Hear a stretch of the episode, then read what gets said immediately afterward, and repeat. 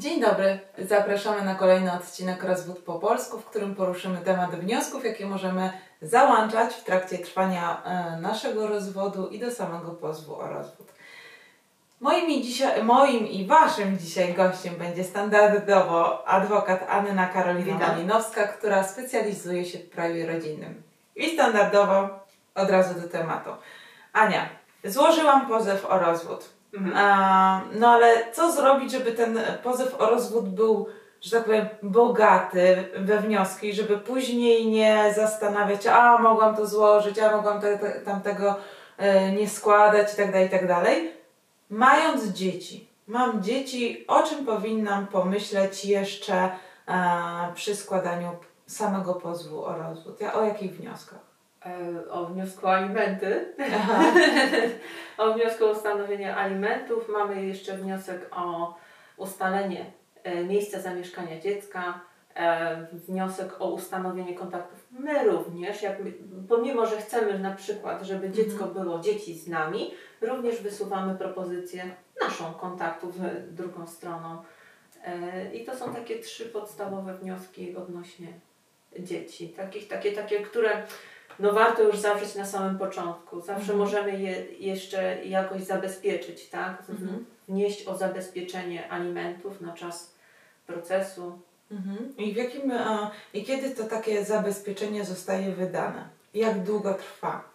E, No, nie ma z góry narzuconego terminu przez prawo, także to musi być na przykład 7 dni od momentu wniesienia do sądu. Co sąd, to obyczaj. Tak niestety jest. Ja osobiście spotykałam się z sytuacjami, kiedy w pozwie już wnosiłam o zabezpieczenie alimentacyjne oraz miejsce zamieszkania dziecka, E, no i, i sąd to wydawał na przykład właśnie od razu po wniesieniu pozwu, jeszcze zanim wysłał pozew do drugiej strony. E, można też, to może nie co do alimentów, co do miejsca zamieszkania dziecka, sąd może wyznaczyć odrębne posiedzenie, kompletnie odrębne od rozprawy, tak? E, I wtedy wysłuchać stron i na podstawie słuchania stwierdzić, czy faktycznie to, że chcemy takiego zabezpieczenia będzie prawidłowe, a może też to się odbyć na pierwszym terminie rozprawy. Mhm. A może być też później, bo na przykład sąd ma jakieś wątpliwości, jeszcze musi coś sprawdzić i dopiero po pierwszej rozprawie wyznaczy jeszcze posiedzenie. To naprawdę jest kwestia bardzo indywidualna.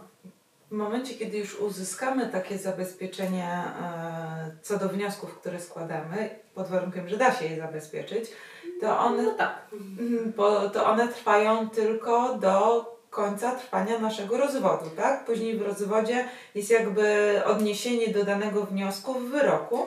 Tak, znaczy no, zabezpieczenie, ja najczęściej wnoszę o zabezpieczenie na czas trwania procesu. Proces nie wiemy ile potrwa, e, może to być rok, dwa lata, a może być nawet pięć, bo takie też rozwody się zdarzają, a żeby uniknąć jak najszy- mieć jak najmniej konfliktów już w tym i tak już ciężkim czasie dla nas, e, no warto to zabezpieczyć na ten czas. Można też wnieść, myślę, że o zabezpieczenie na pół roku, ale Mhm. to jest bez sensu. Jeżeli to już róbmy, zazwyczaj się robi na czas trwania procesu. Potem w wyroku końcowym e, jest po prostu inne rozstrzygnięcie, znaczy inne. Może być akurat tak się złożyć, że będzie takie samo jak w zabezpieczeniu. Może wyjaśnię to na przykładzie alimentów. Jeżeli wnosimy o zasądzenie alimentów od drugiej strony w wysokości 1700 zł, przykładowo, to nie wnosimy we wniosku o zabezpieczenie do pełnej kwoty, bo to musimy rozważyć dopiero w procesie. Kto ile zarabia, jakie są rzeczywiście koszty, więc to na pewno nie przejdzie ta cała kwota. Oczywiście wnieść można, ale sąd tego raczej w mojej ocenie nie uwzględni. Lepiej zejść z tym roszczeniem na, na przykład do kwoty 1000 zł Mhm. i zazwyczaj sądy to uwzględniają, bo to zależy też od argumentacji, jaka zostanie zawarta w tym wniosku o zabezpieczenie, bo jeżeli nie będzie przesłanek, to sąd nie zrobi takiego zabezpieczenia oczywiście, bo jeżeli ktoś nie płaci, druga strona w ogóle nie partycypuje w kosztach małoletnich dzieci, to wiadomo, że na pewno uzyskamy takie zabezpieczenie. Mhm. Więc to, to musi wszystko zbadać sąd. Rozumiem. A czy mm, w trakcie trwania e, rozwodu możemy złożyć jeszcze jakieś inne wnioski? Na przykład chcemy opieki naprzemiennej na przykład, czy też zwiększonych kontaktów. E, I, I nie możemy się co, to, co do tej kwestii porozumieć, czy jesteśmy w stanie to w jakiś sposób em, ustalić przez sąd? Stanowisko możemy modyfikować w każdym momencie procesu. Wiadomo, że nie, lepiej tego nie robić na sam koniec, kiedy już mamy wszystko przeprowadzone, wszystkie dowody, wszystkie słuchania, bo to nie ma sensu, bo do, niczemu, do niczego to nie zmierza. Ale mm, najlepiej, najlepiej zawrzeć wszystko w pierwszym piśmie procesowym, w tych Mhm. pierwszych pismach, pierwszych stanowiskach, tak? Ta mod, takie szab, taki szablon sobie zrobić tak naprawdę i już się do tego tylko odnosić, więc bardzo ważne jest, żeby przemyśleć to już na samym początku. I Mhm. wysokość alimentów, no to, to wiadomo, że ym, też wysokość alimentów możemy zmienić w trakcie.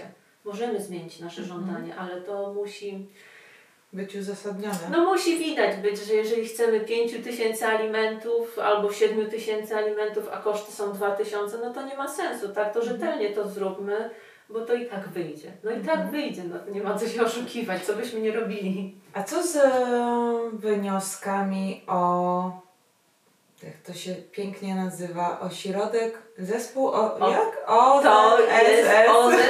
Fachowo się to nazywa, normalnie się na to mówi OZS. To jest to e, dowód z opinii zespołu specjalistów sądowych. Aha. OZS tak zwany. Czemu to służy? To służy tak naprawdę, ja na przykład to składam zawsze. Kiedy Mhm. widzę, że jest konflikt między rodzicami. Sąd z urzędu może też taki dowód e, przeprowadzić. Wnioskujemy go najlepiej w pozwie. Mhm. My.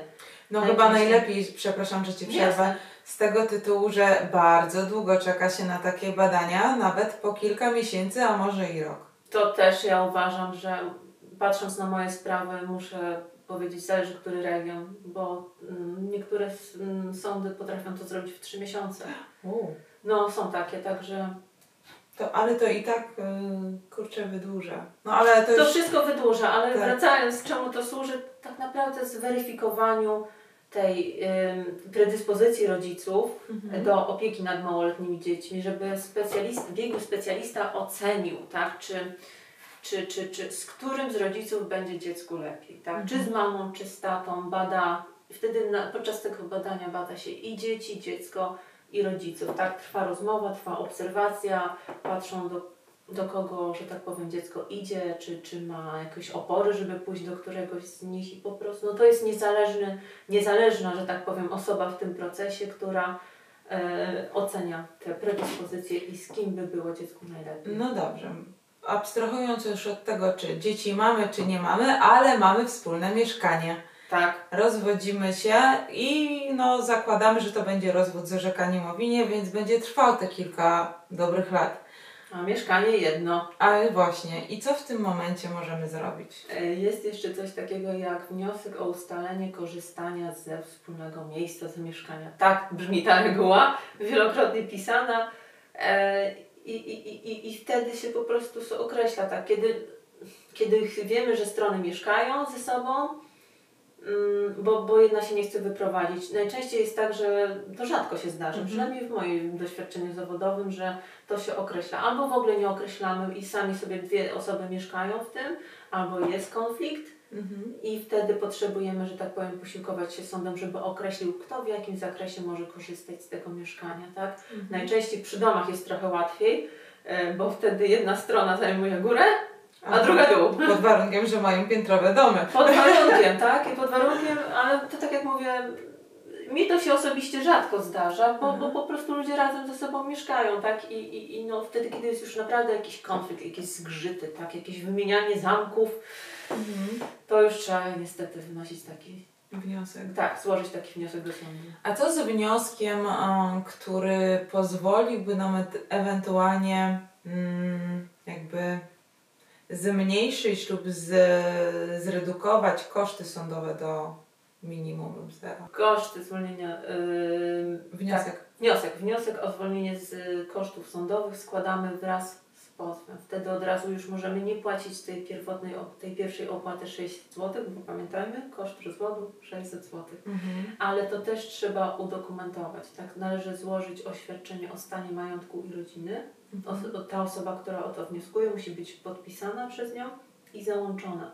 Sąd wylicza tak naprawdę, czy faktycznie nas nie stać na tą opłatę 600 zł, ewentualne koszty, które się pojawią w trakcie procesu.